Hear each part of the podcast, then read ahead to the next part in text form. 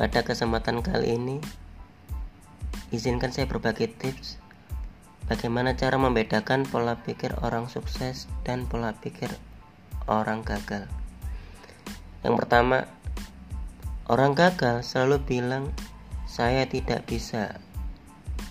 Mengapa bisa dikatakan seperti itu? Karena kata-kata tidak bisa itu hanya terjadi ketika manusia sudah kehilangan waktunya, alias meninggal dunia. Sedangkan orang sukses itu selalu bilang pada dirinya, "Saya mau belajar." Dengan membuka kata kata "saya mau belajar", itu seperti mantra yang membuat dirinya tetap mencoba walaupun seberat apa pun kesulitan yang sedang dihadapinya.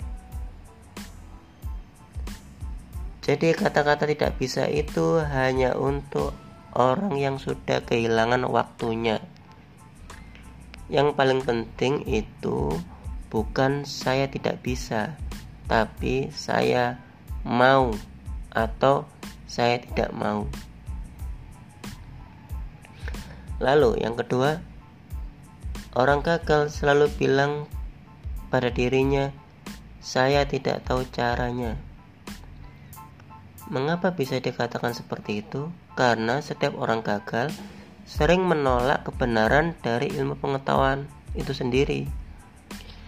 Itu sebabnya orang gagal hanya ingin mengetahui apa yang ingin dia ketahui, bukan belajar menerima sesuatu hal yang seharusnya dia ciptakan.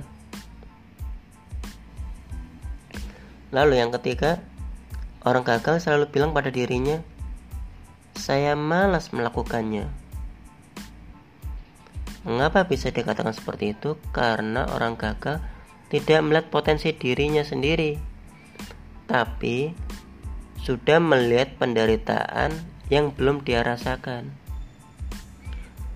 Orang sukses itu bukan berarti dia tidak pernah malas.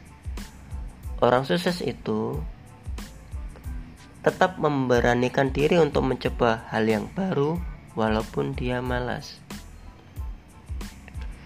Lalu yang keempat, orang yang gagal selalu bilang pada dirinya, "Saya sudah terlambat." Menurut saya, kata-kata itu tidak adil jika diungkapkan karena orang yang terlambat itu sudah terbiasa memprioritaskan hal-hal yang tidak penting di dalam kegiatan sehari-harinya. Dan repotnya, orang yang sudah terbiasa bilang terlambat, dia selalu menolak nasihat.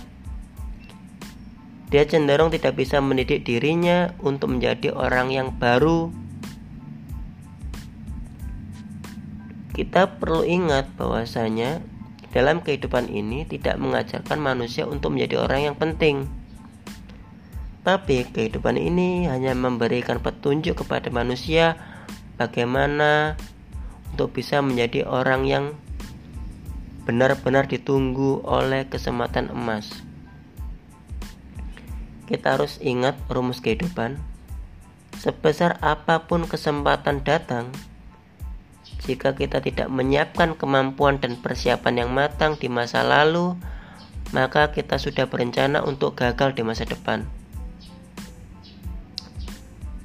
Mungkin itu saja kata-kata inspirasi dari saya. Semoga bermanfaat dan selamat mencoba.